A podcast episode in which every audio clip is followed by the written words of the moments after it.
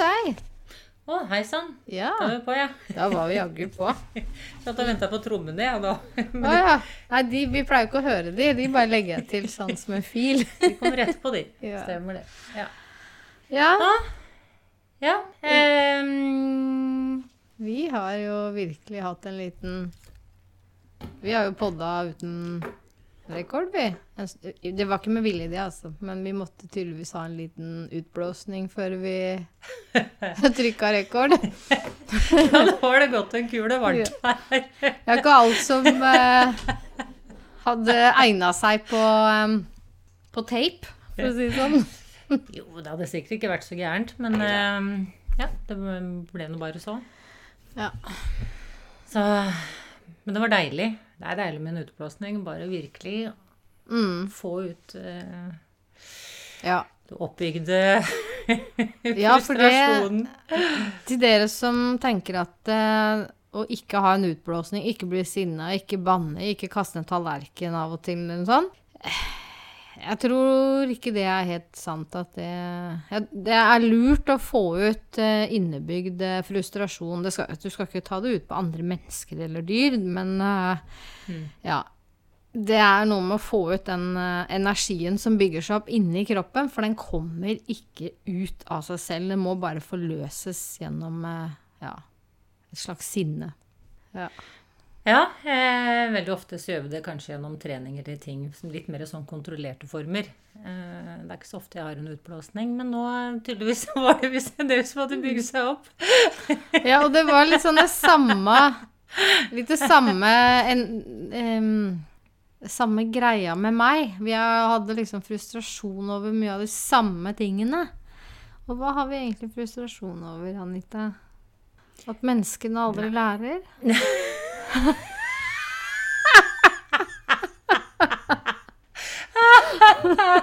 Ja, ja. Vi er jo en del av menneskeheten vi òg, da, så vi får si det sånn. Men Ja eh, Nei da. Men vet du hva jeg hadde tenkt?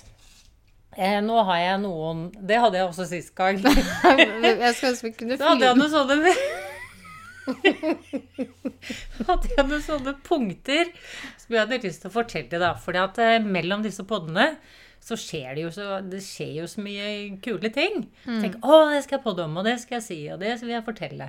Og så, ja, Sist gang så var det jo ingen av punktene som Da kom det noe helt annet. Mm. Jeg tenkte i dag skal jeg pokker ta meg innover disse punktene.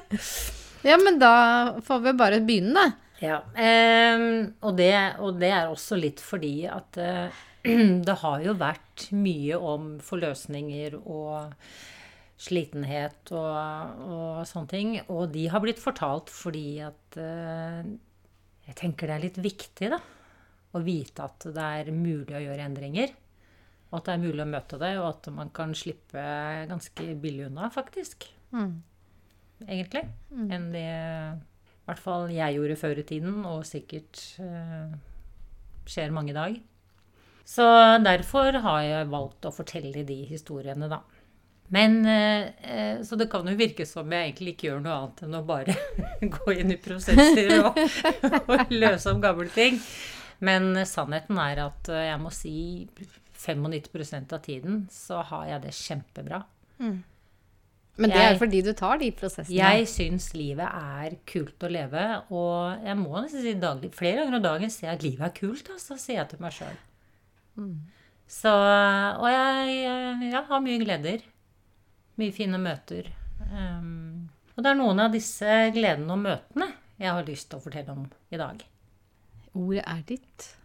Ordet er mitt? Tusen takk, kjære. Skal vi se, skal vi se. Du er sånn nyoppleser. Før så satt man Nyoppleser Da er det en ting som jeg eh, har vært veldig opptatt av i det siste. Um, og det er eh, urte- og blomstermedisin. Jeg starta litt i fjor, men det var litt sånn på sensommeren. Helt tilfeldig, hvor jeg fikk høre om skvallerkål. Nå er jeg ikke så veldig kjent med det, men Ja, eh, det Helt intuitivt da, så gikk jeg inn og så leste på det, og alt det bra den kunne gjøre, som egentlig er et ugress. Mm, I know. Så tenkte jeg, ah, så gikk jeg inn på syre, og så gikk jeg inn på disse blomstene, og husker jeg ikke navnet på alle sammen da. Geitrams og alt du kan bruke. Løvetann, sånne ting. Men eh, så når våren kom nå, da, så tenkte jeg at eh, nå skal jeg ta tak i det. Så jeg har jo nå hele våren eh, sanket løvetann. Både blomstene, knopper, noen knopper. Jeg lar noen knopper stå, sånn at eh, de får For jeg må jo være, være en balanse her. Mm. Så jeg rensker jo ikke et område. Jeg tar litt her og litt der. Var ute på en nydelig tur i strålende solskinn en morgen med kurv. Og plukker eh, løvetannsblomster. Løvetannsblader. Du kan også bruke røttene og stilken til nudler. Det har jeg ikke gjort. Jeg har brukt blomstene og eh, bladene. Og de har jeg tørket. Mm. Eh, Løvetannsbladene kan du bruke som eh, Blir som ruccola, Mm. omtrent. Du kan Men en ting da er at du må ta det ganske tidlig, for ellers så blir de litt uh, Bitre. veldig bitre. Ja, Mm. så du bør helst ha de litt nyere bladene, de mindre nyere bladene. Så enten kan du gi dem rett i salaten eller rett i wokken, eller skal du tørke dem og bruke de til å trekke te. Mm. Eh, blomstene er jo akkurat det samme. Eh, bruke de til te. Men jeg lager jo også en sånn sitron... Jeg har jo drukket sitronvann i mange år. Mm. Eh, bare sitron og varmt vann. Ja. Men nå har jeg begynt å koke opp eh, Jeg koker opp en par liter vann med par sitroner, ingefær, gurkemeie og nå også løvetannsblomster. Mm. Koker jeg det i en times tid, og så tar jeg en shot av det hver morgen. Og det er jo helt fantastisk. Men når du sier sitroner, er det saften av sitronen, eller er det hele sit eh, skiver du i? Nei, nei, jeg hiver hele sitronen oppi. Ja, skiver, da. Nei, jeg deler den i to. Ah, ok. Jeg koker det, vet du. Mm. Og så siler jeg det etterpå. Ja. Mm. Og løvetann, ja, sitron, det er jo Gud vet hvor mange gode ting med den, men den lager jo, setter jo kroppen i base. Altså Det gjør jo sitronen i seg selv òg, da. Ja, ja. ja, det, ja det er sitronen jeg prater om nå. Jeg syns du sa løvtannen, jeg. Nei, jeg sa sitron. Å ja. Ja, det finner vi ut etterpå når Ja. vi hører opptaket. Men løvetann er jo også da Den er, kan eh, virke som vanndrivende, den er bra for anemi, den er bra for øyehelse. Det syns jeg var veldig interessant. Den kan hjelpe mot utmattelse. Gir en god eh, tarmfunksjon. Bra mot hudproblemer. Og hør på denne. Den er veldig bra mot allergier. Hm. Tenk det. Tenk så mange som sliter med allergier. Mm. Hmm, og så er det faktisk en, mot, eh, en hjelp mot det. Det er jo noe som heter det, at det finnes en urt for hver eh, Nemlig. Jeg leser en bok som heter 'Gaven', som eh, ja, Den også kom til meg nå. Den fikk jeg låne av Malene, og den handler om dette her. Mm. Kult. Og har egentlig veldig mye gode tips. Jeg har alltid hatt lyst til å ha en sånn type eh, yogalinje og retreat, kurs, med altså uh, hudpleie som er naturlig, uh, urter og blomstermedisin. Mm. Nå har du oppgaven, så kjører vi kurs og retreater seinere på det. Jeg elsker jo sånne ting. Og det som er uh, veldig morsomt, er at når jeg får denne resonansen med noe som jeg tenker ah, det har jeg lyst til å gjøre, og så setter jeg i gang, så dette kommer veldig lett til meg. Da. Jeg Mm. lærer veldig Mm. fort hva jeg kan bruke det til, og hvordan jeg skal gjøre det. Um, løvetann er også bra for eh, galle og lever. Motvirker gallesten, faktisk. Jo, og så har vi eh, Så de, det er tre ting jeg foreløpig har eh, liksom vært, hatt fokus på. Og så er det brennesle. Ta toppene. Enten kan du tørke dem til te, eller de kan du også hive i woken. Eller du kan skylle dem, koke dem i ett minutt i saltvann, skvise ut vannet, og så fungerer det som spinat. Mm.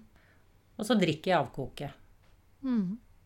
Kjempebra mot betennelser, revmatiske sykdommer, høyt blodtrykk, astma, allergier også her, urinveisplager og huden. Mm. Og brennesle, ikke sant? Den er jo, hvis du ser for deg den, også bra mot betennelser. Mm. Det er jo helt fantastisk. Og dette jeg driver og kasta i søpla så Ja, mange år. jeg Jeg får helt vondt i magen når jeg tenker på det. Mm, Det verste er at når jeg driver og luker av disse tingene, så har jeg alltid, jeg har alltid følt meg litt sånn urolig og litt sånn Jeg har ikke likt det. Men så har jeg vært så opptatt av å ha et kontrollert bed, da, at det skal Mm, se bra ut. ikke sant? Og så har jeg røska det opp, da. Men jeg har alltid følt meg helt sånn sliten og sånn blæ etterpå. Nå skjønner jeg jo hvorfor. Mm. For jeg har jo ikke vært i min egen flyt. Og så det siste. Jeg skulle ønske vi kunne ha filma samtidig som vi podder, for det er veldig mange ansiktsuttrykk hos Jeg er så fornøyd, vet du. Jeg er så fornøyd, for nå Dette er jo skikkelig in alignment. Og det er granskudd. Disse lysegrønne skuddene. Nå er, det, nå er den perioden over. Da må man være litt, Det er litt snakk om tre-fire uker. Ja, tre kanskje. Og de er jo supermyke. Og du kan spise de rett fra tre. De smaker litt sånn sitronaktig. Eh, men det jeg har gjort, er å vært ute og plukket granskuddet. Pratet med trærne og spurt om å få lov. Og eh, tatt noen her og noen der, og de små lar jeg være i fred, for de må få lov til å vokse seg større. Ja. Ja. Takk, takk babysene. Så filmer jeg meg når jeg er ute sånn og går og prater med dem. Eh, men granskudd, er, det har jeg laget eh, granskuddsirup av. Den er altså så god å ha på havregrøten. Og så nå har jeg lagd granskudd pesto. Kult. Det, du sa jo det. Jeg har så lyst til å smake på det. For det har jeg aldri smakt. Aldri lagd. Ja, da skal du få litt granskuddpesto av meg, for det, har jeg, det burde jeg egentlig ha tatt med litt til, til deg i dag, egentlig. Jeg tenkte på det. Jeg håper at Anita har med seg det nå. Så var det litt morsomt, da. Det må jeg bare ta med det. Eh, granskudd er jo en C-vitaminbombe. Og så har den veldig mye gode Hva er det den derre eteriske oljer i seg, men den står ikke som Den står ikke oppført som noe urtemedisin, da.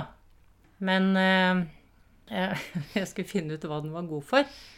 Der står det at den, den er god mot en rekke plager i gåsetegn. Som dårlig humør, dårlig hukommelse, sure voksne, kalde tær, varme luer, skitne klær, rennende neser eller krøller som ligger feil, halvferdige snekkerprosjekter og husarbeidsvegring. Den der syns jeg var så fin, altså. Men det må jo være når du er ute og plukker dem. For det er jo, det er fantastisk fantastisk. Å gå sånn eh, Tusle rundt og plukke litt her og der, og sola skinner, og fuglene kvitrer, og Snakk om å være ett med Med Hovdehytta er det jo med eh, veldig mye nå. Mange, mm, det er jo bare grantrær rundt der, og altså, de bare lyser opp med de lysegrønne granskuddene. Og så er det masse brennesle rundt hytta, så det er jo bare å bli med opp og sanke granbar og brennesle. Brennesle er vel noe som egentlig er hele, hele sommeren. Ja da, litt, de men Åssen er det med løvtannsblomsten? Nå har den gått over til sånne hvite baller. Da kommer det vel ikke flere? der, da? Nei, det gjør vel ikke det. Nei. Nei, det jeg lærer mens jeg går. Det er vi Så det blir sånn år for år, da. Men det er veldig morsomt. Men Veldig det er morsomt. jo moralen i visa, det. Vi må back to basic. Verden har nok til alle, men ikke alles eh, grådighet. Mm. Så alt vi gjør, må bør være bærekraftig. Mm. Det er ikke bærekraftig slik vi lever i dag. Og på disse turene så er det jo ofte noen møter, da. Møter jo på mennesker på min vei. Mm. Stopper opp, eller noen stiller spørsmål. Mm. Blant annet en, eh, en som het Helge. Veldig hyggelig mann, altså. Han kom uh, syklende. Akkurat da var jeg oppe ved Gikk en runde opp ved Mareholte. Han var litt nysgjerrig på hva jeg drev med, da. Og så ble han tilbudt et granskudd, da. og det var jo litt artig. Han tok imot han og smakte. Jeg stående og pratet litt om løst og, løst og fast og ja, faktisk om disse tingene. Mm. Og han ø, jobbet som ø, psykiater. Å, Og faktisk ble samtalen litt styrt inn på disse tingene. Og han var åpen for å tenke litt innenfor. Han var, sa er det noe jeg vet mye om, så er det jo medisiner og Ikke sant? Den, eh, den delen der. syntetiske. Syntetiske medisiner, ja. Så han eh, Dette hadde han lyst til å eh, sette seg litt mer inn i. Mm. Så det var artig. Mm. Det var hyggelig. Så vi sto og prata i jeg vet ikke, en halvtimes tid eller sånn om livet og naturen og Mm.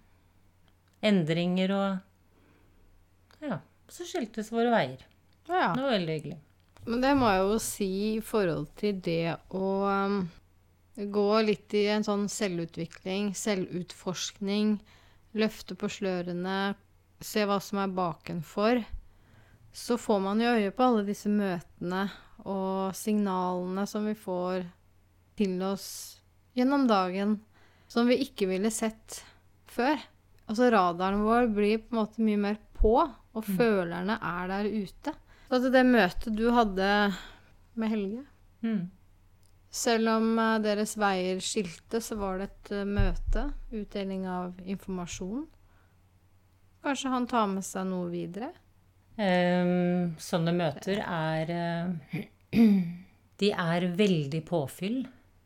Fordi man trenger Det er jo det er jo en fremmed, men allikevel Man har en samtale hvor man er så Hva skal jeg si Man blir på en måte kjent med hverandre på kort tid. Mm.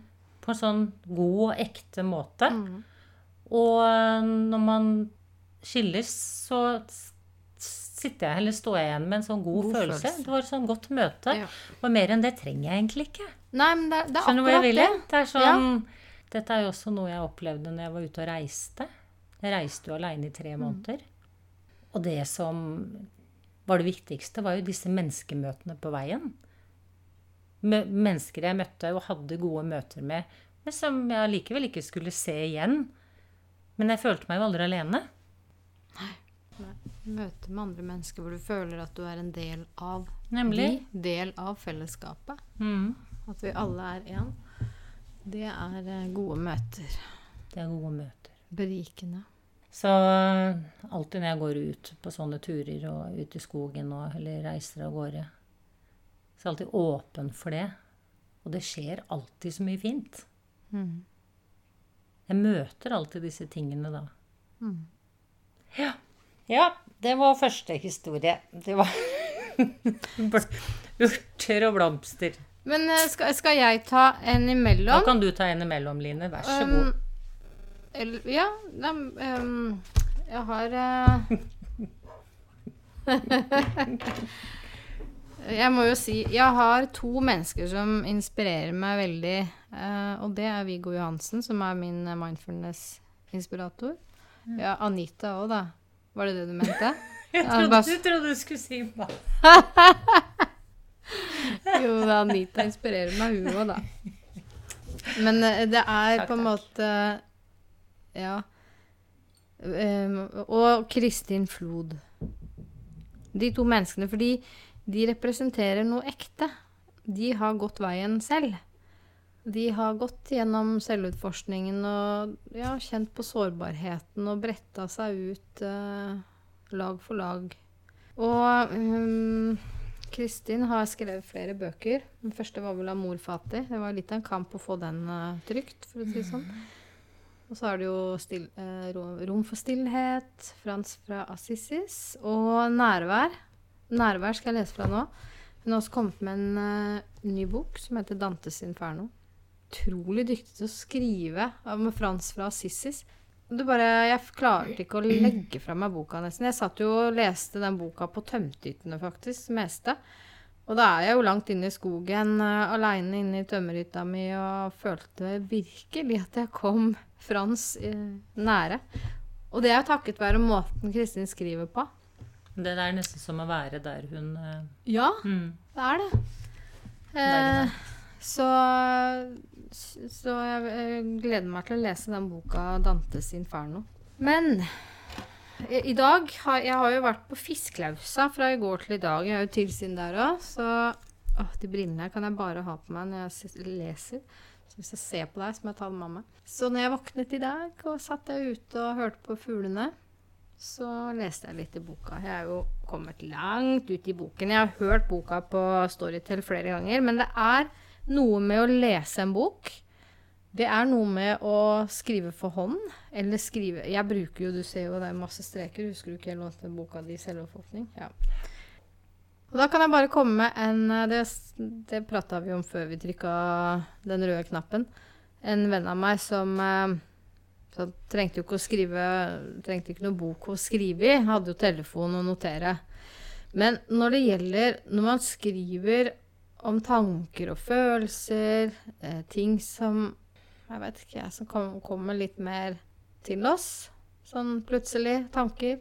Eh, Så er det noe med at det, i hvert fall jeg da personlig, må skrive for hånd. Det er akkurat som liksom Det som kommer fra sjelen, må gå gjennom eh, hånda og fingrene. Fingertuppene, som vi, du snakket om i stad. At de representerer elementer. Vi har jo Janana Mudra i yogaen, hvor du har tommel og pekefinger.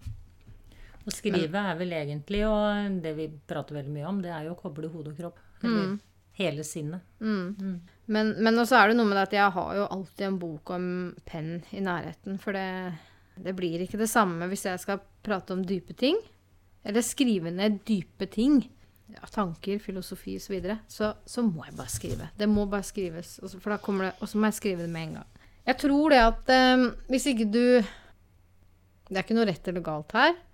Men hvis du nøyer deg med telefonen, så er du kanskje ikke helt der hvor jeg er akkurat når jeg snakker om bok og en penn. Autentiske. Ja, Det er autentiske. Ja. Jeg kan godt skrive handleliste og en tilsynsliste på, på telefon, men eh, det blir ikke det samme når, jeg, når det kommer mer på det dypere åndelige plan. Så må det bare ut gjennom eh, pennen. Og så kan jeg godt skrive det inn på en PC etterpå.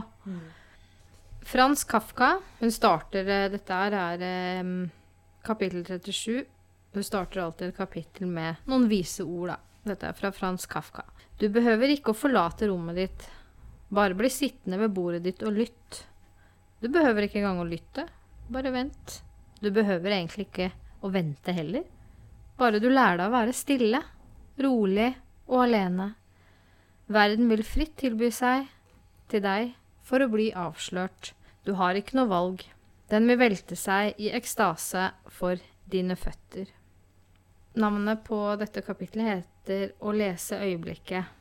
Jeg skal ikke lese alle sidene, men eh, en del viktige elementer. Fordi jeg satt jo og leste dette her i dag, og selv om jeg har hørt på lydbok, så er det noe med å lese det, og plutselig så kommer nye, nye ting til meg, eller gamle ting, på en ny måte. Eller en ny forståelse. Det ligger ei virkelighet og venter i de fine foldene av tilværelsen. I kontakt med den har vi tilgang på en annen type informasjon enn den vi er vant med til daglig. Iblant laster vi ned kloke data herfra i små, raske glimt. Vi registrerer at informasjonen ikke er knyttet til intellektet eller den alminnelige hukommelsen, og bruker et samlebegrep for å beskrive den databanken intuisjon. I lys av et arbeid med oppmerksomheten kan vi forstå mer av hva som skjer. Vi har studert tankenes karakter og forstått at tanker er effektive når vi skal løfte gamle data inn i nåtiden. At de er nyttige for å løse problemer og ikke minst forstå årsaker og sammenhenger. Men vi har også registrert at tankene kan ta feil. At operasjonene som foregår i sinnet ikke alltid er like heldige. At vi ikke kan stole på dem i ett og alt. Og vi har erfart at når de sedvanlige tankene trår litt til side, åpnes det for noe annet. Oppfatningsevnen angår ikke lenger kun det å oppfatte riktig eller feil, men mer enn som så. Kan hende du opplever at enkelte sinnstilstander, som f.eks. nøytral modus, toner de fordømmende tankene ned, mens en lyttende kvalitet i oppmerksomheten tones opp. Her vil jeg da si at Kristin tenker sånn, ikke sant, at man da, når man blir litt mer årvåken og til stede, og går litt dypere inn i seg selv, så kan man jo finne den nøytrale modusen. Det er jo der man da ikke er reaktiv, men aktiv. Ikke sant? Altså act, don't react. Og da synker jo de fordømmende, negative tankene. Også de kvalitetene som da er gode for oss. Det der å kanskje bli flinke til å lytte. Lytte kanskje så vi kan agere og ikke reagere. Det er jo det som på en måte er tanken her, og det er jo en erfaring vi har, og Kristin har. Som hun skriver, gjennom et mentalt girskifte kan jeg fange mer av virkeligheten. Og så er det et møte med en som en professor, David Bohm. Han er jo død nå. Jeg skal lese mer om han, fordi han eh, Ja, han var, gikk vel i lære med Albert Einstein. Var elev av han. Han David Bohm, 1917-1992. Amerikansk fysiker og forfatter. Sentral skikkelse i brobygging mellom vitenskap og filosofi. Spesielt kjent for sine teorier om coherence. Sammen, samstemthet, samsvar. Bohm mente at en person er samstemt når personens meninger om ulike forhold og hans eller hennes atferd harmonerer. Altså at meningene og handlingene i et større perspektiv ikke er motstridende. At et samfunn er samstemt, innebærer ikke at alle bør ha nøyaktig samme mening. Men hvis et samfunn eller en hel verden skal være samstemt, bør alle mene og handle ut ifra en rekke holdninger og synspunkter som harmonerer med hverandre. Hvis vår kulturs synspunkter på en rekke spørsmål står i strid med hverandre og dermed motarbeider hverandre, blir det vi gjør, motstridende, uharmonisk og ikke samstemt. Bohm arbeidet i flere år nært sammen med filosofen Krishna Murti. I boken 'Utenfor allfarvei', 'Samtaler om gåtene i oss', har da Kristin Flod et lengre intervju med Boom. Denne boken skal jeg lese. Har, nå skal du få lov å ta et punkt. Og så skal, skal, jeg lese litt om Hun har noen utdrag fra, fra samtalen sin med Bom når han var her i Norge. Så det skal jeg lese etterpå, så kan du ta et punkt, sånn at ikke jeg bare babler. Men jeg syns dette var så viktig, og det Bom snakker om mm. Vi ser en verden nå som overhodet ikke er i harmoni. Overhodet ikke er samstemt. Fordi folk Mange mennesker Prøver å ikke si liksom folk, for vi vil ikke Vi tar ikke alle over en kam. Eh, det er ikke det at vi er perfekte heller. Det er ikke det, det, er ikke det vi snakker om her. Så jeg håper dere kan se litt mellom eh, linjene eller ordene som, som kommer ut. Men det, det, er ikke tvil om at uh, det er nødvendig for mennesker i dag å heve sin bevissthet om hvem de er, hvilke verdier og holdninger de står for, og gå ut ifra det som sitt autentiske kompass. Det er dette Boom snakker om. Hvis ikke vi vet hva vi står for, hvordan skal vi da kunne handle? Ikke sant? Riktig i forhold til coherence, samstemthet, samsvar. Nå kjente jeg sjøl av det jeg sa nå, fikk jeg gåsehud. mm. Og det er eh, Det er jo det også som healer. Jeg har jo vært litt innom det med healing. Og da er det første bud hile seg selv for å hile verden. Eh, det er også det yoga Egentlig alt vi prater om, er egentlig om det du leste nå. Yoga er også det. Mm. Yoga betyr to unify, altså samle alle delene i deg selv. For mer samlet hver enkelt menneske er, mer samlet blir hele verden. Så alt indre arbeid vi gjør, og helere jeg selv blir, mer av det er det jeg sender ut til det mm. kollektive. Mm. I og med at vi er alle på den samme jorden, puster den samme pusten, eller luften, og vi sender ut det vi har på innsiden. Mm. Ja. Så Og derfor er kanskje jeg også så kanskje over middels interessert i å omprogrammere gamle ting. Nettopp. Fordi jeg vil være en bidragsyter til en bedre verden. Mm. Og da må jeg samle alle deler i meg. Mm. Bli mest mulig hel. Og, og da kan jeg også lettere jo... møte andre mennesker i det de står i. Ja. Mm. Men all endring starter jo med oss selv. Ja. Ikke sant? Det er jo det det handler om. Det er jo et ordtak som har gått igjen ja, men kanskje ikke du gjør det. I min verden så har det det. Men du vet åssen det er noe som du virkelig har hørt mange ganger, og som du lever etter. Så det tror du at det veit alle det andre også. Ja, ja, ja. det er sånn Har du ikke sett den filmen? Nei. Eh, og det er jo at eh, vil du se en endring i verden, så starter den i deg selv. Mm. Be the change you want to see in the world. Ja. ja. Så det Nei da, altså. Det var en, det var en uh, viktig ting. Fin, synes det er alt, fint sagt. Ja, og det er, det, jeg syns det er så interessant å, å lese bøker om Forskjellige bøker om samme tema, egentlig. Fordi du, man får liksom alltid en ny eh, vinkling på det, da. Mm. Og um, det er forskjell på å lese Eckhart Tolle og um, Kristin Flod, eksempel, eller David Bohm, da. Mm. Men det, er- det, er- det er så kult når det blir en sånn brobygging, som, eh, som Kristin skriver her, mellom vitenskapen og filosofien. Mm. Og man kan jo Han Erik Dammam, som jeg nevnte i stad, som leste jo bok Mamma hadde jo den boka, det er derfor jeg har den boka. Som, eh, ja, som er jo ned på kvantefysikknivå. Som blei jo latterliggjort den gangen eh, han prøvde å antyde at det var noe, noe annet imellom der enn det håndgripelige. Det meste, ny, meste av nytenkning blir latterliggjort av massene. Er, du vet, det er minoriteter som uh, har gjort de største endringene i verden. Ja, det er det absolutt. Så først man blir man latterliggjort og utvist, og det er ikke måte på. Det er gjerne når man er død man blir anerkjent. Mm. Det er fælt å si det, men det er gjerne sånn. Ja, de fleste mestere som har gått på denne jord, har blitt hengt eller skutt. Er det sant, det. Mm. Ja, ja.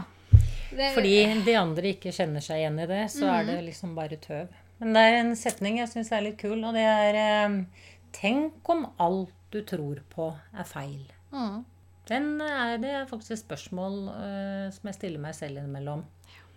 For hva er det som er mitt? Hvorfor har jeg en overbevisning om noe? Og noen ganger, hvis du da ikke helt vet hvorfor, nei, da kanskje ikke det trenger å være noe uh, Hva det heter når du har eh, Jeg tenker på prioritet, men det er ikke det jeg er ute etter. Noe som du sier, det er virkelig ikke meg. Du har en den, da-da. Nei, jeg vet ikke, jeg. Grense. Nei. Ja, det kommer seinere. Ja.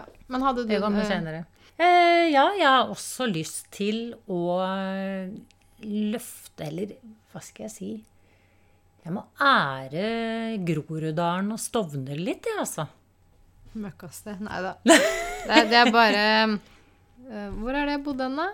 Hvilken adresse var det jeg bodde? Ulrikkes vei. Ja. Ja. Um, Der var det nok veldig mye blokkmentalitet. Der eh, var det fælt. Ja, det kan jeg fortelle om seinere. Men Men jeg vokste opp i Tante Ulriks vei, men det var jo før din tid, da. er før de naboene bodde der. Ja. Mm. Men øh, øh, jeg har jo vært eh, gått mye turer i nærområdene, og jeg er jo kjent med det fra jeg var mindre. Og det er jo så grønt og svære, fine områder og så mye aktivitet. Og jeg var ute senest i går, så tenkte jeg skulle ta en tur opp på Det er en gård som heter Båndkall eh, gård. Den er jo bare en liten spasertur unna meg.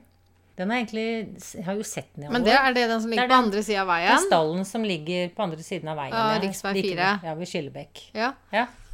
Tenkte jeg skal gå opp dit. eh, Ja, egentlig litt fordi jeg tenkte å høre om det var mulig å leie hest, eller eh, om du trengte noe hjelp, eller ja, et eller annet. Mm. Så jeg tusler nå opp dit i går, da. Og går inn. Og dette er jo egentlig drevet av eh, Grorud. Grorud hva da? Gro, ja, det var akkurat det.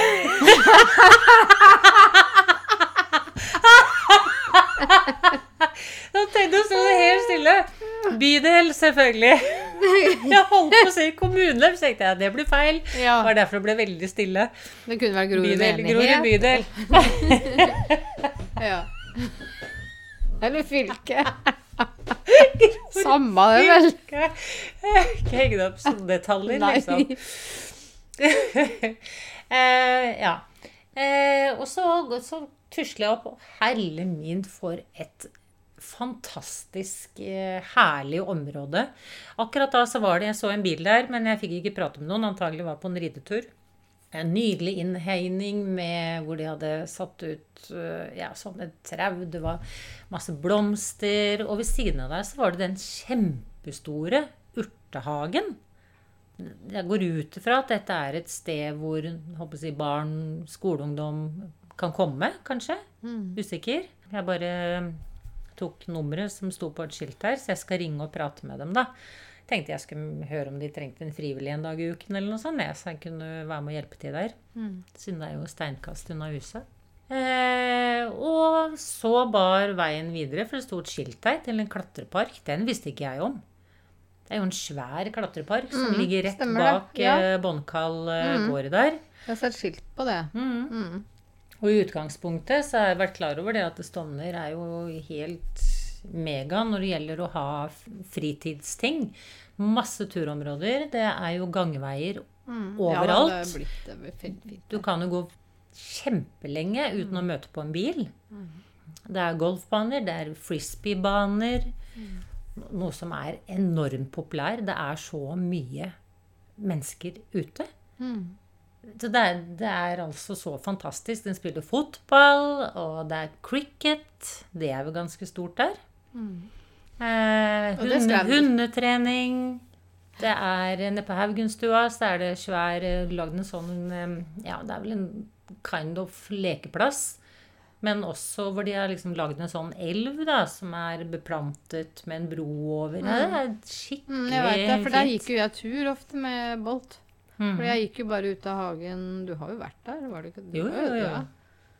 Gikk jo bare ned. Så var jeg på den uh, svære fotballbanen, og videre bak der så var den cricketbanen og Så gikk jeg, og så kan du gå eh, håper jeg, langs disse jordene, så kan du gå skogen tilbake. Og den skogen, der gikk jo jeg mine barneben. Jeg var nok tidlig et naturbarn. Jeg, jeg, for når vi bodde i blokkene der, så husker jeg at jeg ofte gikk inn i skogen og bare plukka blomster. Og, så jeg, jeg har liksom alltid hatt, hatt med meg det. mm. Kanskje et sånn lite stikk til kanskje frisbee og sånn. At det mm, kanskje ser litt mye søppel rundt Ja. omkring. Og jeg er jo av de som plukker. Så Ja. Det gjør jeg. jeg vi hadde en tur gjennom skogen her for en tid tilbake som jeg faktisk eh, hadde favnen full da jeg kom ut av skogen. Ja. Med plastikk og Mækkern og ting og tang. Og det er litt synd, da. Og det syns jeg er litt viktig at Og jeg begriper Jeg får meg ikke til å forstå at man står og åpner opp en potetgullpose, spiser den og bare kaster den fra seg. Det virker liksom helt sånn fjernt. Nei, det å er gjøre det. eh, Og, men det kunne jo vært en oppfordring ja, til alle. Vi nordmenn er jo slikt et turfolk. Mm. Så hva om alle som gikk ut på tur, hadde med seg en pose Mm. og plukka opp den søpla som de så lå på bakken? Og for et forbilde for barna. Mm. Og jeg er ganske sikker på at barna også hadde syntes det hadde vært moro. Mm. For barn liker å få ansvar, og barn liker å få lov til å ta del i noe som er større enn seg selv. For de har det egentlig med seg. Mm. Men hvis de aldri lærer det, eller aldri får oppleve det, så er de blant de som kaster den potetgullposten på bakken seinere. Jeg tok meg en løpetur her om dagen, og da ene fotballbanen så var det sikkert en, en ball som hadde blitt masse sånn skumgummi som lå rundt, og det var jo så mye fugler der. Og jeg bare Å, denne her må jeg bare plukke opp. Ja. Og så, englesendt, så lå det en tom bærepose på andre siden av veien. Stadig en pose, og så plukka jeg opp alle disse dottene, da. Og løp bortover med denne posen, og så kom det en ny plast. Så du hadde en full bærepose. Og jeg var på løpetur med bærepose, og så endte jeg opp med sånn der engangsgrill, og så var det en paraply. Så da ble det gåtur isteden, inntil, inntil jeg fant en søppelkasse. Ja, ja. Men eh, ja, og jeg, så jeg tenker at det, det er noe vi egentlig kunne vært litt sånn Der kan vi alle få lov til å være litt moralens voktere, faktisk. Mm. Og si fra eh, hvis vi ser noen kaster, eller selv ta det opp. Dette har jo vært et det. tema også, sånn Det har vært et tema i årevis. Men vi må tilbake til rusken. Ja. Alle må huske rusken. Mm, ja. Var ikke det en sang, Line? Kan du rusken-sangen? Å, det husker jeg ikke. Eh, Anita har veldig lyst til å synge. Nei, jeg husker det ikke, heller. Men jeg må jo si nå i den tida vi har vært da, med koronaen, at liksom, ja, det er fint at folk kommer ut, men du må ikke kalle deg et naturbarn, eller at du er et menneske som er glad i naturen. Når du setter igjen engangsgriller, bare krøller det sammen og legger det på bålet. Altså, det er ting som ikke skal brennes. Og når vi spiser frukt, så kan du ikke legge igjen skall fra frukt som ikke vokser naturlig i Norge, for vi har ikke dyr som spiser det. Mm. Det råtner. Mm. Eller det tar det, det vil jo brytes ned, men det tar jo lang tid. Jeg lurer på Var det banan... øh, var det appelsinskall? Øh, Var det to-tre måneder? Vi kan? Det er bare sånn at vi tenker litt på hvis vi, hvis vi spiser ting som naturlig vokser i vår fauna, så spiser våre dyr det. Men ikke eksotiske bananer og appelsinskall og sånne ting. Men så bare ta med søpla hjem! Vær så snill, ellers så er du ikke glad i naturen, og da får du ikke lov til å gå ut i naturen og grille. Hilsen meg. Men i hvert fall ting med plastikk og blikkbokser og glass og ja, sånn type ting, da. Mm. Det er viktig. Så, men tenk om alle hadde gjort det, alle vi som gikk tur. Mm. Og nå ser du jo munnbind som bare ligger henslengt. Munnbind, ja, ikke Ja. minst. Det glemte jeg å si. Munnbind. Munnbind. Så, Jo da. Blei jo nekta på, på polet på lørdag, og jeg. Men da kjente jo han i kassa meg igjen, da. Så bare nei, det er greit. Så sånn er nå det. Men den derre nektinga Altså, det er ikke lov å nekte. Men vi skal ikke ta den diskusjonen der nå. Men det er lov å spørre om vi har munnbind. Og så hvis man sier at nei, jeg kan ikke bruke munnbind, så bør det være greit. Så da er vi ferdig med det. Da er det ikke noe mer prat om det. Mm. Så var det punkt punktet. var det punktet? Ja, eller en øh, Du så så var, var ikke det bra? Nei, jeg Jo. satt og tenkte på de Hva? De munnbindene. Ja. Mm. Jeg satt egentlig bare og hørte Ja. Mm. Nei, jeg bare Tenkte jeg skulle ønske det registrerer var- at ønske det var flere som hadde Hvis flere hadde turt å gå uten, ja. så hadde det ikke vært dette påbudet. Nei, Men det for er Jeg egentlig registrerer at det er noen som er veldig um, vi- Veldig iherdig i å på en måte um, være si, lovens lange arm, da. Men, men det heter seg jo at det er et påbud, men du kan jo ikke, de har jo ikke myndighet til å gå inn og kreve. For det, det er noen som ikke kan bruke det. Og det er ikke alltid man går rundt med den dokumentasjonen eh, i lomma. Så vi, vi må ha litt tillit til at voksne folk klarer å ta litt egne valg òg, da. Ikke sant? Det er noe med det. For det er jo å holde avstand, og det er jo egentlig noe som, som også har noe med å respektere hverandres soner, ikke sant? Som Mm. Ja. egentlig burde vært der hele tiden. At man Det er jo en litt sånn ydmykhet og respekt over den andre sone. At Mm. uh, vi alle gir plass til hverandre. Så Ja. nok om munnbind. Nok om munnbind. Da, da, da, da vil jeg bare lese litt om han eh, eh, David eh, Bohm. Det er ikke sikkert jeg uttaler det etternavnet helt riktig. Det skrives B-O-H-M. Boom. Bom. Ja. Og dette er jo da direkte lest fra boka til Kristin Flod, kapittel 37. Boken heter 'Nærvær'. Kan anbefales på det sterkeste. For en del år siden møtte jeg en fysiker av verdensformat som mente at vi må lære oss et eget språk dersom vi skal kunne lese øyeblikket på en annen måte enn den vi er opplært til.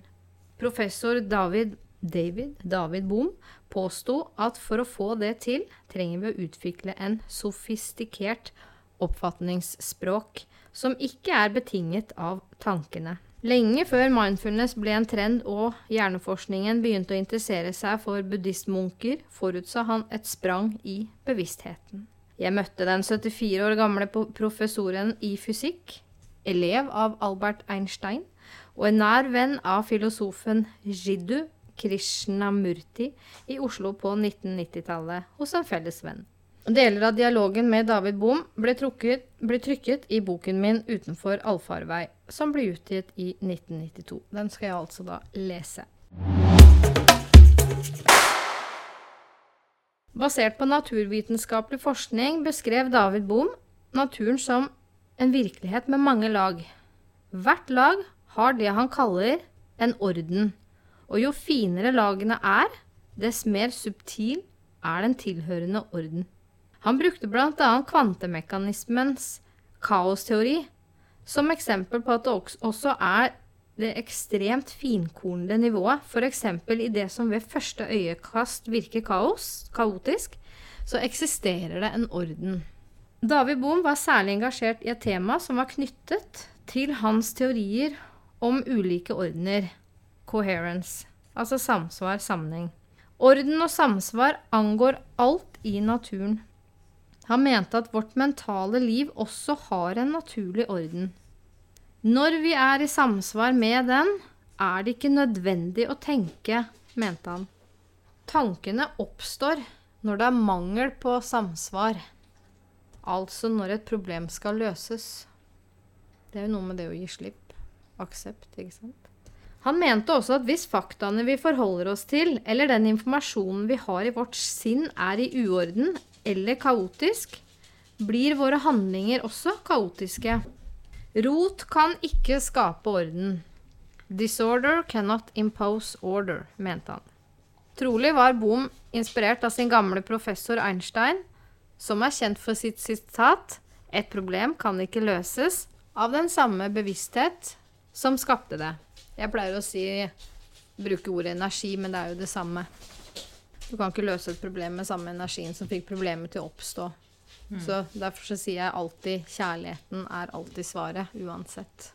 Altså, du sa jo en gang øh, du har, du har en setning øh, som jeg har tatt med meg, og det er øh, Hva ville kjærligheten gjort, Line? Hva ville kjærligheten gjort? Og det spør jeg meg, og jeg veldig ofte det bruker jeg også ja, når jeg veileder eller råder andre. For hvis vi stiller oss det spørsmålet, Mm. så får vi ofte sånn mm, den intuisjonen som også David Bohm snakker om her, at det er mer den derre fintfølende Når vi er un begynner å bevege oss dypere ned i lagene, så får vi jo kontakt med noe som kanskje ikke er helt håndgripelig. Ikke sant? Den intuisjonen. Ja. Nå babler jeg videre her.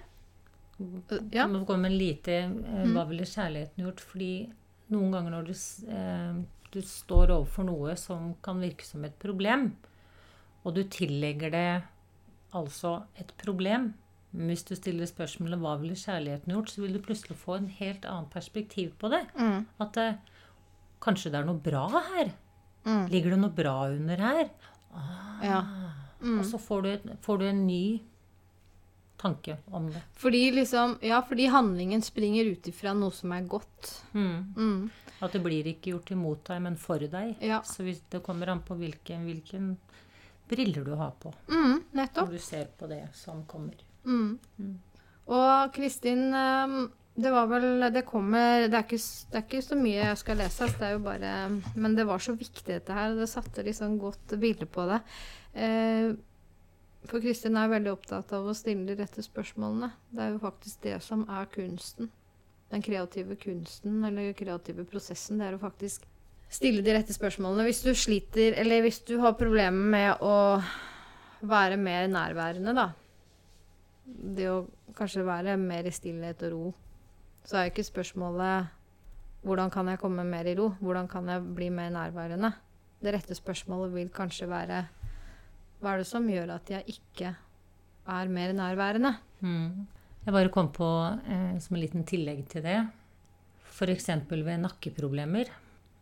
Og man tenker åh, den, den nakken, åh, nå er ferdig nakken min, jeg har så vondt i nakken, det er et problem med nakken. Og så tenker man hvorfor har jeg vondt i nakken? Ja, det har pågått veldig mye nå. Kanskje nakken egentlig trenger litt kjærlighet, for den gjør til at du har hodet over vannet. Mm. Nettopp. En fin metafor. Eller er det riktig å si? Det er ikke metafor, men Ikke sant? Hvordan man ser på det. Er det sånn åh, Ja, ja. hamre nakken for at den er vond? Mm. Eller har den faktisk gjort en sånn innsats at uh, du burde vært takknemlig? Men da er det jo Og heller gå i underliggende for hvorfor den Ja. sliter. Men det er jo essensen i det Bom sier her òg, ikke sant? Og også Kristin. Hvis du er i strevet, så er du jo på en måte i overflaterealiteten. Og da er det jo liksom et problem som skal løses. Mm. Men, men det som er essensen her, er at det, det er en tilstand du kommer i. Mm. Det er liksom ikke et problem som skal løses. Jeg Hvis du ønsker å bli mer takknemlig, så hjelper det jo ikke å å, nå må jeg huske å takke for det. Nå må jeg huske å gjøre den gode handlingen. Fordi det er ikke det takknemlighet handler om. Det, det han, det, du kommer i en tilstand av takknemlighet hvor det kommer naturlig. Kommer innenfra. Ikke sant? Og det er vi inne på coherence, sammen, samsvar. Det er samstemt med ja, alle delene. Og coherence er jo en av de, men den, den trekkes jo fram, for det er jo det som er forska mye på, bl.a. i um, Institute of HeartMath i forbindelse med, med stressreduksjon og behandling av det. Herregud, hele verden er jo stressa. Så skal bare gyre meg ferdig her. Um, ja. Så jeg avslutta jo med det siste jeg sa. Det var jo et problem kan jo ikke løses av den samme bevisstheten som skapte det. Og det må vi ta med oss inn i våre egne liv også. I dag brukes begrepet coherence eller samsvar innenfor ulike metoder som arbeider med stressreduksjon. Det sa jeg jo nettopp. Institute of HeartMath i USA har utviklet en egen coherence-metode og har erfart at det bygger resilience. En kvalitet som øker tilgangen på livsenergi. Tenk deg det, ja. Instituttet definerer begrepet coherence som en tilstand der hjertet, følelsene og sinnet er i samsvar. Hjertet, følelsene, sinnet er i samsvar. Jeg bare kjenner at Det Jeg føler ståpels. Ja, ikke sant? Hjertet, følelsene og sinnet. Det er jo det vi snakker om hele tiden. Vi må forenes. David Bohm mente altså at sinnet hos de fleste av oss er uryddig og fullt av fakta som ikke er sanne. Vi vet ikke om dette rotet. Der hadde jo du din metafor for mange, mange podder siden, hvor du da tok rom for rom i ditt eget kropp. Ikke sant? Altså rense litt, og vaske og rydde og få ut søpla og åpne vinduene og lufte litt. Det er jo egentlig det Bom snakker om her. Eh, Men hvis vi ikke vet det, så Nei, merker vi jo ikke den sure lukta fra all søpla som er inni der. Derfor oppstår det problemer. Jeg spurte ham, altså Kristin, spurte ham om vi kan rydde opp ved å bli mer oppmerksomme. Han svarte ja, vi burde være mer oppmerksomme på hele prosessen inni oss. Men vi er ikke vant til det. Ingen har lært oss hvordan. Vi er oppmerksomme på alt mellom himmel og jord, men ikke på det som skjer inni oss selv. Når vi begynner å legge merke til aktiviteten i vårt indre, rydder vi automatisk opp i rotet. Bevisstheten er rotete fordi vi har fòret den med gale data. Ved å bli mer oppmerksomme begynner vi å fòre bevisstheten med sanne data. På alle plan finnes en innebygd orden, og det å være i samsvar med den er naturlig, mente altså Bom. Det er grunnen til at det å streve for å oppnå noe som er naturlig, ikke virker. Det er umulig å oppnå orden eller harmoni, mente han, fordi det er noe naturlig. Og det er jo den tilstanden. Du går ut av det naturlige når du streber etter det. Yes. Det eneste virkningsfulle er å spørre hva er den opprinnelige årsaken til mangelen på samsvar? Incoherence. Og da er jeg litt tilbake på det Kristin snakket om også, det Eller nevnte hun mener det å stille de rette spørsmålene. Men det kan man jo gjøre til seg selv. Mm. Ja, Står man i noe, det. så still spørsmål til deg selv. Hva er det som pågår i meg nå? Gjerne Mm, ja. før du legger deg om kvelden. Mm, Og faktisk, når du våkner opp om morgenen, uthvilt, mm. ding, så har du svaret. Fordi det ligger, svaret ligger i deg selv. Ja. Og løsningen. Og Kristin har jo mange retreater med, med skriving. Eh, Det er jo tydeligvis noe hun kan. Eh, Men hun har jo noe som heter Nattens renselse. Det går ut på at du bare skal, når du våkner opp, og bare skrive det du husker da, fra natten. Men også har hun også en annen eh, skriveøvelse som går på Hvis det er noe som er vanskelig for deg, da. At du skriver noen sider om det. Kanskje noen dager. Og, det er jo en måte å få det ut på. Eh, ting som er vanskelig. Eh, og der også er jo temaet at det er greit å skrive for hånd. Mm. For det er noe med at det autentiske kommer gjennom armen og fingrene. Så jeg, jeg står ganske hardt på den. Hvis andre har, eh, opplever noe annet og klarer seg fint med telefon, så, så vær så god. Men eh, den telefonen Så da er vi inne i avslutningen. David Bohm hadde en enorm respekt for spørsmålenes kraft. Han mente at det å stille de rette spørsmålene er en kreativ handling, og forklarte det slik i dialogen vi hadde. Å spørre Dette her var viktig. Dette var litt sånn Ah, selvfølgelig. Å spørre er annerledes enn å presentere et problem. Et problem forutsetter en løsning. Men når vi spør, forutsetter nødvendigvis ikke et svar. vi går bakenfor, sa jeg, Kristin. Ja, når vi spiller et spørsmål, går vi bak problemet. Og dette er viktig. Hvilke spørsmål er vesentlige, spør Kristin. Her er vi ved poenget, sier David. Å spørre er den mest kreative prosessen. Vi må fornemme hva det riktige spørsmålet er. Sansene alene kan ikke hjelpe oss. Heller ikke tankene. Da hvor kommer spørsmålene fra? spør Kristin. Fra noe dypere. Som vi gjerne kan kalle intelligens. Det som han forteller videre nå, det er bare noen linjer igjen Høyere intelligens. Ja. Men dette her var ikke jeg var ikke Det var litt kult. um, Det gikk opp et lys for meg i stad. Eller ikke, Ja. et, ikke et lys, da, men altså, så jeg fikk Det er en- bra. Det fikk, liker vi. jeg fikk en forståelse av ordet. For det, vi har misforstått ordet intelligens. Fra noe dypere, som vi da gjerne kaller intelligens. Ordet intelligens kommer opprinnelig fra det latinske ordet interlegere, som betyr å lese mellom linjene. Det innebærer å være fri fra det som står på linjene, og skape nye linjer. Intelligens er det nye og ferske.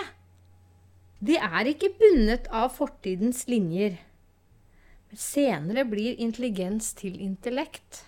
På samme måte som det å tenke blir til tanker.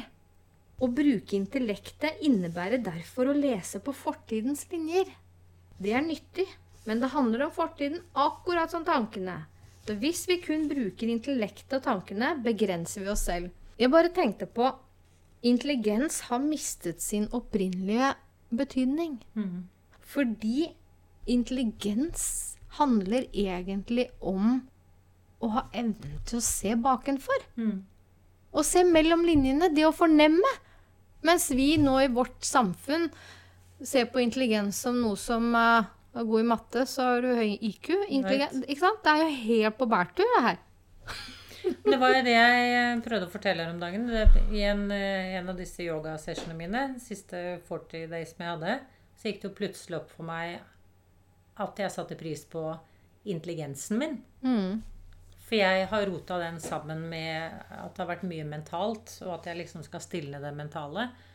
Så jeg har helt oversett min egen intelligens. Mm, fordi intelligens har som en helt forteller meg og gir meg svarene og Så eh, det var litt av en oppdagelse, faktisk. mm, Å skille intelligensen fra tankene. mm. Fordi intellektet blir på en måte en sånn en Det er sånn Intelligensen er det ferske, nye. Eller, ja, Men- det, det er vanskelig å finne ord i dette her, Ja. men jeg vet ikke om du skjønner hva For det var det som Husker du jeg prøvde å Ja, fortelle deg det? det. At jeg bare «Åh!»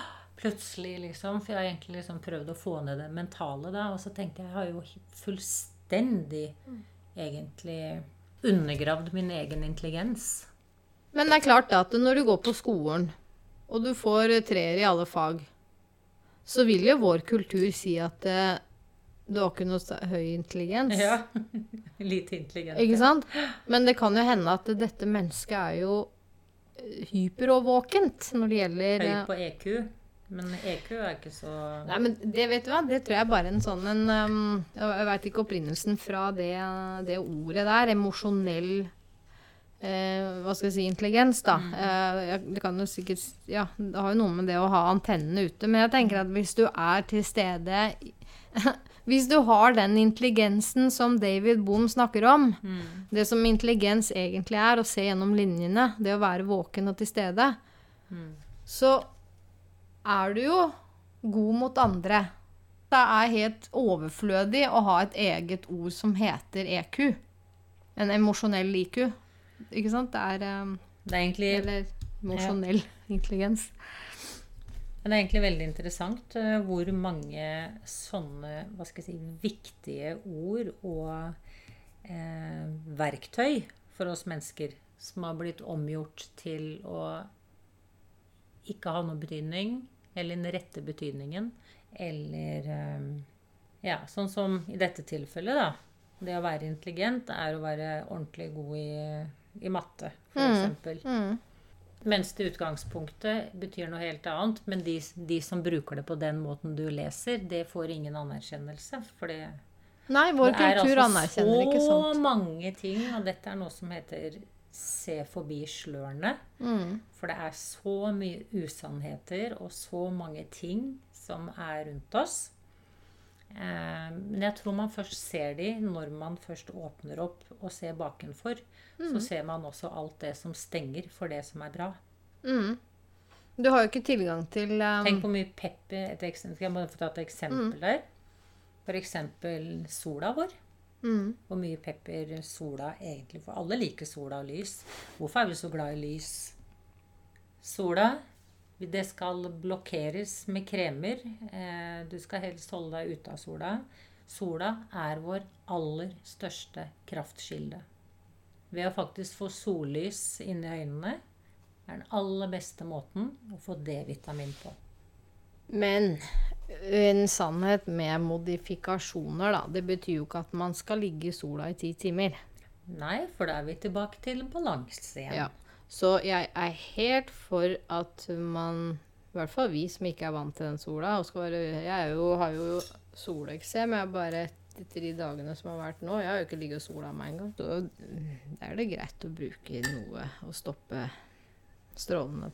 Ja, men da burde man kanskje gjort det på en måte som eh, enten har på seg litt klær, eller så må man finne en sololje som i hvert fall ikke inneholder mye gifter. Ja da, det er jeg helt enig i. Det, det er jeg enig i. Alle disse spørsmålene, alle disse svarene, alt her har mange forskjellige innhold, men alt, alt handler egentlig om balanse. Mm. Men eh, jeg hørte faktisk eh, den godeste Bill Gates hadde jo nå prøvd å få gjennom et forslag eh, om å skyte opp eh, Skyte opp noen eh, fartøy som skulle sprute ut og eh, forstøve sola. Jeg har. Han ble nedstemt, da. Takk og pris. Men hva var bakgrunnen for det? Nei, skal beskytte, beskytte oss, da, vet du. Alt som kommer fra de kantene der, skal jo beskytte oss. Vi skal jo være trygge, og sola er jo ikke bra. Eller hva gjør plantene og naturen uten sol, f.eks.? eksempel? Nei, det er jo Det er skremmende. Vi har ikke særlig høy intelligens. Vi er vel, Mennesket er vel det kanskje det mest primitive vesenet. Er det én ting jorda kan klare seg uten, Det er uten, mulig å være destruktiv og ødelegge alt som Alt vi er avhengig av. Nei. Så neste podd så skal jeg lese noe fra kapittel 38 som også fanget uh, meg. Men nå har vi lest Nei, vi har poddet i 1 time og 10 minutter. Hadde, Du hadde et punkt til. Ja, du, det, jeg, jeg hadde fem. Nå har jeg vært gjennom to. Ja? Skal du ta tre, da? Nei da, jeg kan ta det neste gang. OK? Sikker? Er du Ja. sikker på at de ikke tar er egentlig litt morsomt hvordan man eh, mm, Disse tingene vi har pratet om, det med å stå i seg selv og eh, ta et valg. Eh, og ofte så Av min erfaring så får man Så kan man fort få en sånn liten test på det. Om, om jeg faktisk eier det jeg, det jeg sier. Og det har jeg vært igjennom nå. Jeg hadde Jeg må si et svakt øyeblikk. Nei da. Jeg var egentlig Det var en sommerdag her, og det, jeg var i så godt humør. Jeg var ute og shoppa litt og hadde gjort et røverkjøp. Og så var det før helgen, og så tenkte jeg søren, det hadde vært litt hyggelig å ha hatt en, eh, en eh, god venn å finne på litt ting med. Kan du utdype det litt, eller? Ja, ja. Ikke sant? Så du kan liksom gå ut og spise med og kanskje noen turer og Ja, du vet. En sånn spesiell venn. Vi, vi overlater til lytterne å fantasere seg inn i Nei, det er en god venn. En god venn. Og så, så fikk jeg jo ånden over meg, da. Og det er jo noe jeg Jeg veit ikke om jeg egentlig har gjort det før. Det tror jeg faktisk ikke jeg har gjort. Men så lagde jeg en profil på møteplassen.no. Oi, hei sann. Du skal ut og finne en narsissist, da, altså. Eh, Jeg hørte reklame på radioen. Den kom liksom eh, idet jeg satte meg inn i bilen. Så tenkte jeg ja, ja, det skal jeg meg sjekke ut. Så lagde, og jeg skrev jo uberst lite. Egentlig kanskje litt sånn sær eh, profil, egentlig. For jeg tenkte at eh, sånn at jeg på en måte skulle luke ut litt, da. Så jeg husker vel ikke. Jeg var vel sånn kort om eh, liker natur, friluftsliv, reiser. Ja. Og eh, en, ønsket en mann som sto i seg selv, og som æret det feminine og det sunne maskuline, skrev jeg. Så det var jo litt spesielt. Det var det jeg skrev, egentlig. Mm. Og så kom det jo veldig mye, veldig mye hyggelige meldinger. Noe rart også. Men eh, ja. Lang historie kort fortalt. Jeg var ikke der så veldig lenge. Men så var det liksom en som fordi det blir jo naturlig til, så blir det jo til at du svarer de som på en måte treffer deg, liksom. Eller kanskje, ikke sant. Eh, det var jo noen som sa 'Hvorfor svarer du ikke når du får melding?' Så tenkte jeg. Eh, Da er det bare Da er det- da er det allerede uinteressant. Ja. Fordi det blir jo det. Men jeg svarte han, da, så sa jeg det at eh, jeg beklager det, men det er nå engang sånn at det er mye meldinger, og jeg svarer de jeg resonnerer med. Mm. Og takka han for svar, da. Så, så sånn må det jo bli. Poppa jo bare innom innimellom, liksom. Men så var det nå en da som jeg eh, begynte å melde litt med, og så Og så slo det meg plutselig at jeg hadde glemt en litt viktig ting som jeg er litt, dette, er litt opptatt av. Og det var at jeg måtte tilføre på profilen min nei til vaksine. Å ja. Hvorpå da eh, jeg stiller han et spørsmål. Du, apropos det jeg glemte, jeg beklager at jeg ikke har spurt før, sa jeg. Men hvordan stiller du deg til vaksine? Nei, han, hadde, han, hadde, han var dobbeltvaksinert. Han hadde tatt begge stikkene. Beklager, da kan vi ikke møtes, svarte jeg. Hvorpå han da svarer eh, hvorfor ikke det? Eh, det må da kunne gå an å være rundt både vaksinerte og ikke-vaksinerte. Jeg har ikke noe problem med det. Og jeg svarer Nei, selvfølgelig ikke. Jeg går med, med begge deler, jeg. Eh, det er dessverre vanskelig å unngå de vaksinerte om dagen. Men det går helt fint. Men i forhold til eh, noe nærere noe nærmere bekjentskap, så tror jeg fort det kunne blitt et problem. Hvor han da svarer OK, du får ha lykke til med konspirasjonsteoriene dine. Så da løste jo den seg Da var vi der allerede. ja. Og så tenkte jeg nei, da ombestemte jeg meg og tenkte at jeg har egentlig ikke tid til dette her, og jeg har veldig tro på at eh, jeg, eh, han finner meg når jeg er klar, og jeg møter på han når som helst. Tur i skogen eller i butikken eller Ja. Det, det skjer når det skal. Ikke noe stress med det. Eh, Det går helt fint. Jeg har det kjempebra. Eh, Så skal jeg slette profilen, og idet jeg sitter og skal slette profilen, så popper det opp en som sier Hei, jeg så du hadde skrevet det, men jeg er også en som, ikke, som er litt opptatt av det med vaksiner, ser han. Og så likte jeg det du hadde skrevet. Og forresten, hva syns du om å være her inne? Og det synes jeg var litt kult spørsmål, for liksom, det var så mye på en gang av det som pågikk, da. Og så, eh, så var det artig at du spør. Eh, Jeg driver faktisk akkurat og skal slette profilen min her. Kult. Så ja Ja, nei, men eh, kan vi ikke Ja. I hvert fall så endte det noe med da at jeg, at jeg møtte han. Aha. Jeg møtte han, og det var hyggelig. Jeg møtte opp rett og slett for, å møte, for å ta en, en lunsj. Eh, ikke, noe, ikke noe tanke om forhold eller partnerskap. Den var rett og slett Er det en som vi kan, man kan gjøre noe hyggelige ting med? Prater kjempehyggelig. Faktisk veldig på nett med ting vi prater om, og praten går løst og ledig og er veldig i flyt. Hvorpå han da sier at eh, eh, Ja, forresten, eh, så er jeg i et forhold, sier han. så sier jeg eh, ja vel, ja eller forresten. Eh, jeg veit ikke om jeg skal kalle det et forhold heller, men det er liksom på vei til å bli over, da. Men vi har liksom ikke tatt praten ennå.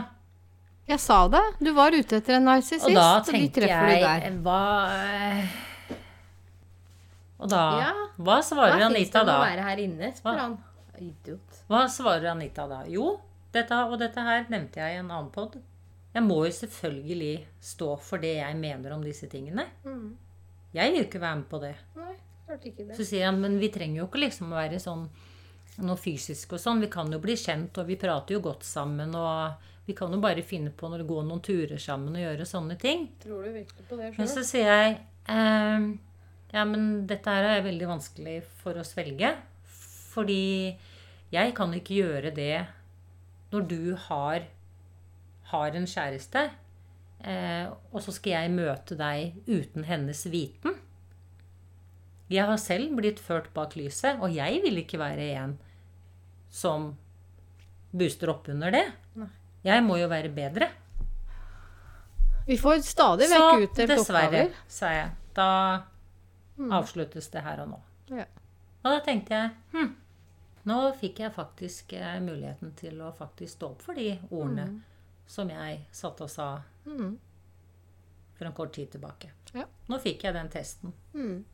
Og greia er at det føles så innmari bra. Altså. Mm. I selv, Coherence, selv. coherence. Jeg blir sånn, jeg kjenner at jeg får en sånn innvendig kraft. At det bare sånn, det er deilig å stå i meg selv og ta det valget og vite at jeg Ja, jeg gjør det for meg, men jeg gjør det også for andre. Mm.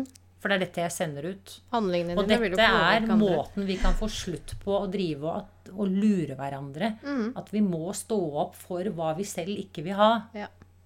Og det er jo det vi har snakka om med David Boom òg. Mm. Coherence. Hjerte, følelse, sinn i samsvar. Holdninger og verdier er samsvar med handlingene våre. Så enkelt, Mm. Men så vanskelig. Mm. Det er vanskelig hvis man ikke har lys og ser hvilke verdier og holdninger man har. Så om å navigere uten noe kompass, da, da, da har vi en verden som nå. Så, Ja, ja. så jeg er da young, free and single og klarer meg utmerket på egen hånd. Ja. Og så skjer det, så skjer det. Ta-ta! Men skal vi si det sånn, da, at det ble det siste ordet. Nå har vi snakka i 1 time og 19 minutter. Blir litt kortere etter redigering, men det blir nå en episode på 1 time og 10 minutter i hvert fall. Ja da. Ja, og det var tre av fem punkter. Ja. De to neste kommer, det. Par kommer neste gang.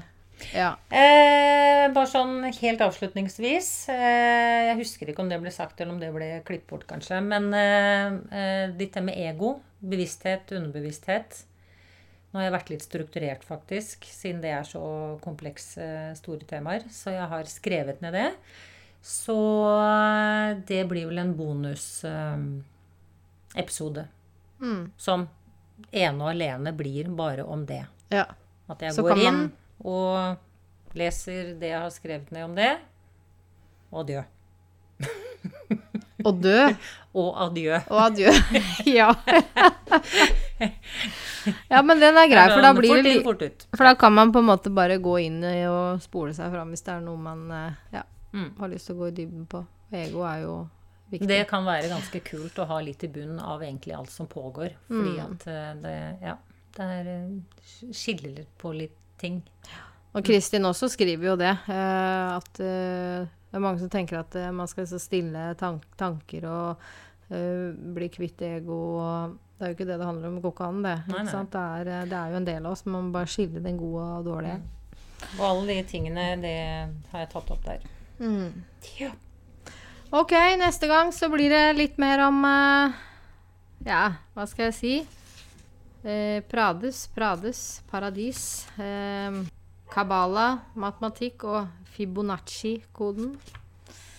Hm, veldig spennende. Og slektsforskning. Og i hvert fall to punkter til fra Anita, om ikke flere. ja, men da har jeg jo fått på en haug med nye. Ja, ikke sant? Nei og nei og nei. Ja, ja. Nei, Nei, men da Neida, ønsker sånn vi nå alle lys og kjærlighet. Lys og kjærlighet. Takk for i dag. Spre lys og kjærlighet, lysets krigere. Namaste.